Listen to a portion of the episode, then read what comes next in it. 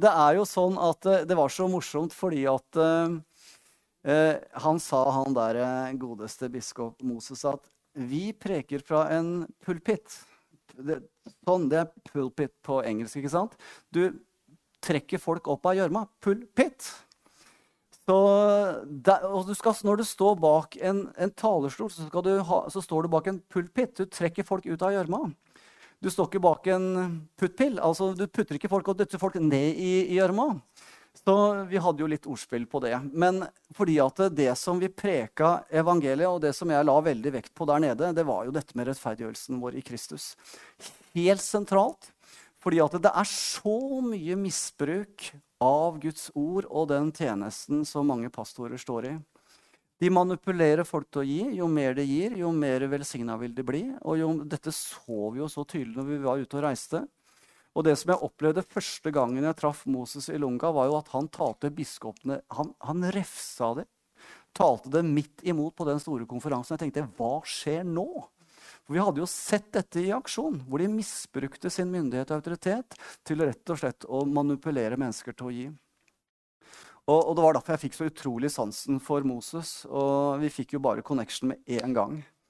Og det som er greia, hvis du på en måte legger noe til hva Jesus har gjort, at du også må legge noe til, da begynner du på en galei som kan lede rett ut i vranglære.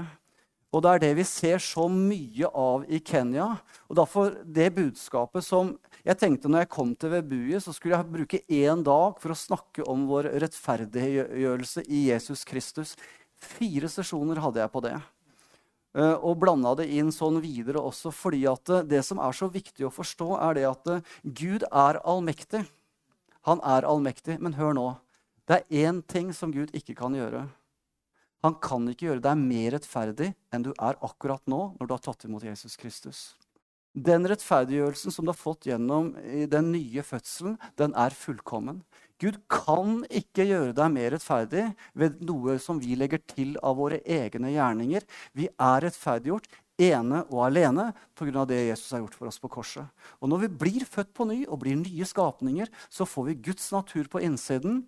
Og jeg synes det var så herlig, Audun nevnte noe her om dagen til meg. at uh, Noe av det som han sa, han Smith Wigglesworth, han sa det at uh, om du hadde sett meg på innsiden, så hadde, vært, hadde, du sett meg tusen ganger større enn det du ser meg på rent sånn fysisk nå.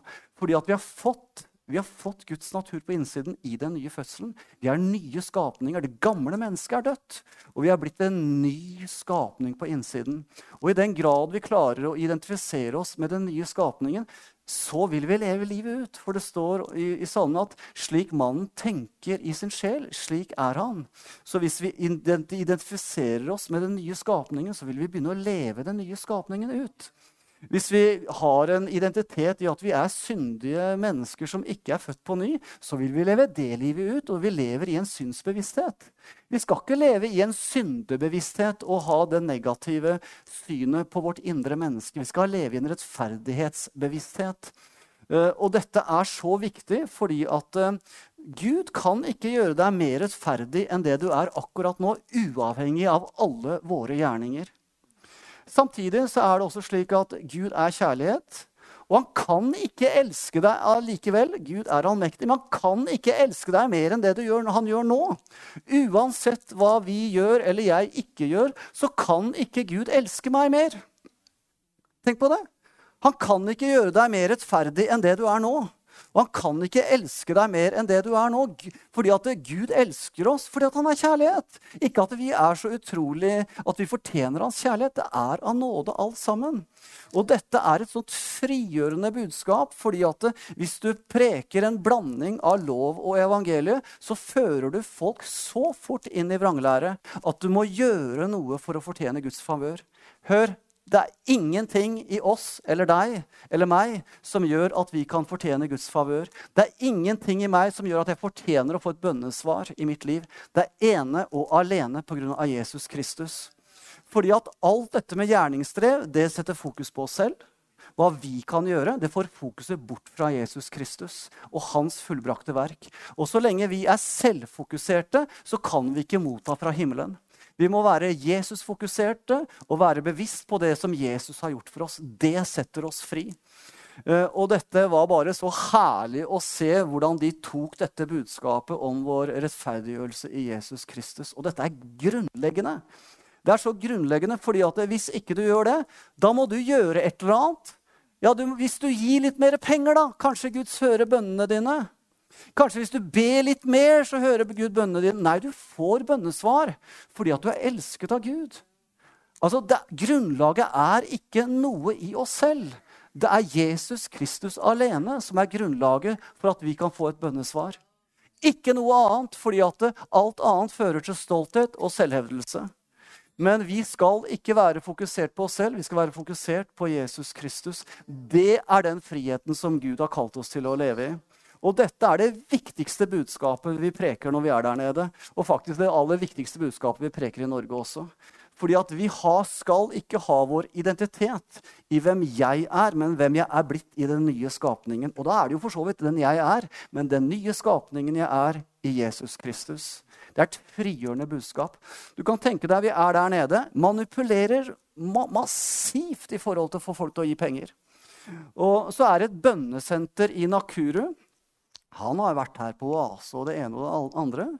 Og så samler de sammen millioner av Kenya-skilling for å bygge rom og hus på det bønnesenteret. Fordi at hvis man har bygd et hus eller et rom på det bønnesenteret som er luksuriøst innviet, så vil Gud høre bønnene dine mer. Har du hørt for tøv? Altså, hvis vi skal legge noe til det fullbrakte verk Jesus, som Jesus Kristus har gjort på korset, så fører det oss rett ut i vranglære. Og, det er derfor Paulus og det sa jeg så tydelig der nede, derfor Paulus er så klar. Hvis noen preker et annet evangelium enn det jeg gjør, han være forbannet, sier Paulus.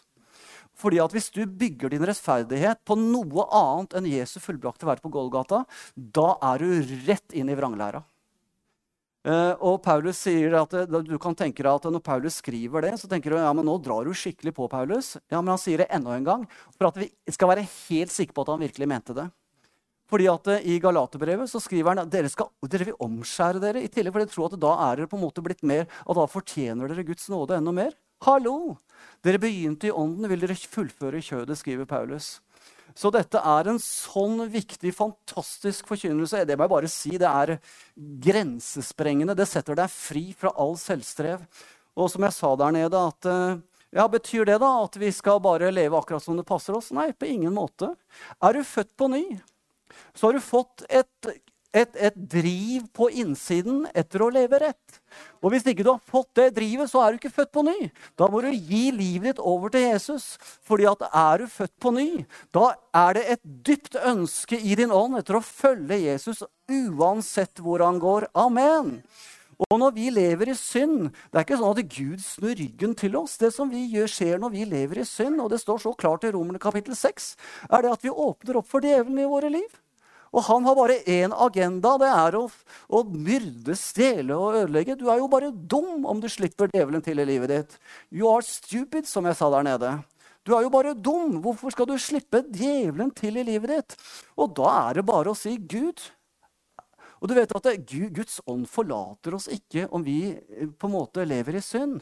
Han bor her inne, i vår ånd. Men fordi at han elsker oss like mye, så hvisker han inn i øret oss Hallo, nå er det på tide å gjøre noen forandringer. Og den røsten er aldri dømmende, den er bare veiledende. Fordi at Guds ånd kommer ikke på den måten. Han kommer med sin godhet og sin kjærlighet. Det er jo fordi at Gud er kjærlighet og godhet at han forsøker å korrigere oss. Og når vi har sluppet djevelen til å leve i synd, så er det vi som må pælme den ut, sparke den ut og slenge igjen døra. Amen. Det Kick the devil out, altså. Så, og, og, men Guds nåde, Guds barmhjertighet, forlater oss ikke.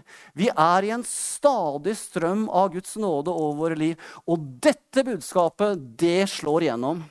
Amen. Fordi at det, dette budskapet gjør at vi lever for Gud og ikke for mennesker. Vi lever ikke under en, en byrde av å please mennesker. Men vi har gitt våre liv til Jesus Kristus. Det er han vi lever for. Amen. Amen! Det er fantastisk. Så kan vi dra fra himmelen alt det Gud har for oss. Og jeg må si det at det budskapet, så kommer denne fyren her sånn. Dere kan høre hele Det er litt sånn vanskelig kanskje å forstå uh, engelsken hans. Mitt navn er Dennis. Jeg ønsker å takke dere. Jeg ønsker å takke Jesus Kristus. I was walking in Webuye town Ja, jeg tror vi bare stopper der. Men han gikk i Vebuye og bare så disse postorene og ble minnet av Den hellige ånd om å komme på møtene.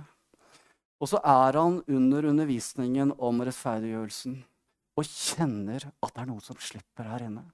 Han er assisterende pastor i en menighet og kjenner at det er noe som slipper. En frihet som kommer inn i hans liv. En frihet ikke lenger være under loven, men under Guds nåde. Og han er fantastisk. Du kan gå ut på Facebook og se det. Den, der, det, det, den forandringen Han kjente at det var noe som slapp i livet hans. Og så legger han ut på, på Facebook Hvorfor har de løyet for oss i alle år? Denne blandingen mellom lov og nåde. Amen. Og så har du eh, hun her, som er eh, pastor i Kitale. De har, mange, de har mange kvinnelige pastorer der nede. Veldig mange. Og hun er jo da en pastor som Hun har en menighet som ligger inn under Moses i Lunga. Og Moses har jo fora disse pastorene sine med den undervisningen til Andrew Womack. Men hun hadde ikke på en måte kommet helt til klarhet på disse tingene. Og under den undervisningen på fredagen så bare slår det gjennom. Og det er jo Den hellige ånd, vet du, som virker så mektig. Så hun har et fantastisk herlig vitnesbyrd. Det kan dere også lese på Facebook på hjemmesiden min. Eller på siden min på Facebook. Herlig, altså. Det er bare Og så er det Men jeg må bare fortelle én ting til før jeg avslutter. Og det var på søndag siste, eller på søndag formiddagsmøte. Da var Moses i Lunga ikke i tale, så da skilte vi lag. Jeg preka i menigheten i Vebuye og hadde forberedt et budskap. eh, Og det hadde ingen til å ta bilder av meg. Fordi eh, vi, to, vi skifta på. Jeg tok bilder av Moses, og han tok bilder av meg. Så når han var borte, så hadde jeg ikke noen til å ta bilder av meg. Men i hvert fall så var saken den at uh, jeg hadde forberedt et budskap, og så var det bare så fantastisk herlig nærvær når de priste Herren. Og så kjente jeg jeg må preke om helbredelse. Og så forandrer jeg hele budskapet mens jeg står der og priser Herren. Og da er det ikke sånn at jeg begynner å gå på preker. Nei, jeg bare begynner å betjene med en gang eh, jeg kommer til. Og så er det et, så Bare be alle som ønsker helbredelse, bare kom fram. Og så folk, Det er et sånt mektig nærvær av Gud. Folk faller under Den hellige ånds kraft i bare alle mulige manifestasjoner. Og etter hvert så kommer jo hele gjengen fram og blir mektig møtt av Gud. Og så begynner jeg å be for ba ja, det var, det var, altså For meg så var det eh, altså De to sterkeste møtene mine det må jeg si, det var det i, i, på Jans Academy på secondary school og primary school. Å se den gjengen gikk fram, det var som jeg følte at det var en sånn drøm og en visjon som jeg bærer her inne når jeg ser mange gå fram til frelse. Det var bare Å, kjære Gud, dette vil, jeg, dette vil jeg se mye mer av. Eh, og da dette møtet på søndagen hvor Den hellige ånd er så kraftfullt til stede, og folk blir så sterkt møtt og bare preker og underviser om helbredelse. For det er dette må vi se mer av, folkens. At Gud kommer med sin berøring og leger mennesker. Og kun ved sin nåde. Kun ved sin nåde. Og, da å se at budskapet slår inn hos pastorer og ledere dette budskapet, dette enormt frigjørende budskapet om at vi er rettferdiggjort i Kristus. Det er ikke vår egen rettferdighet som gjør oss fortjent til å få noe som helst fra himmelen. Vær fokusert på Jesus, ikke på deg sjæl, ikke på hva du får til og ikke får til. Vær fokusert på Jesus, og det åpner opp for alt det Gud har for oss. Amen. Amen. Dette er det Gud har enda mer for oss, og det vil, som dere så, gjerne ha oss tilbake. Halleluja, we will see. vi må be over det, vi må snakke om det, men jeg tror Gud har noe for oss i Kenya fremover. Amen.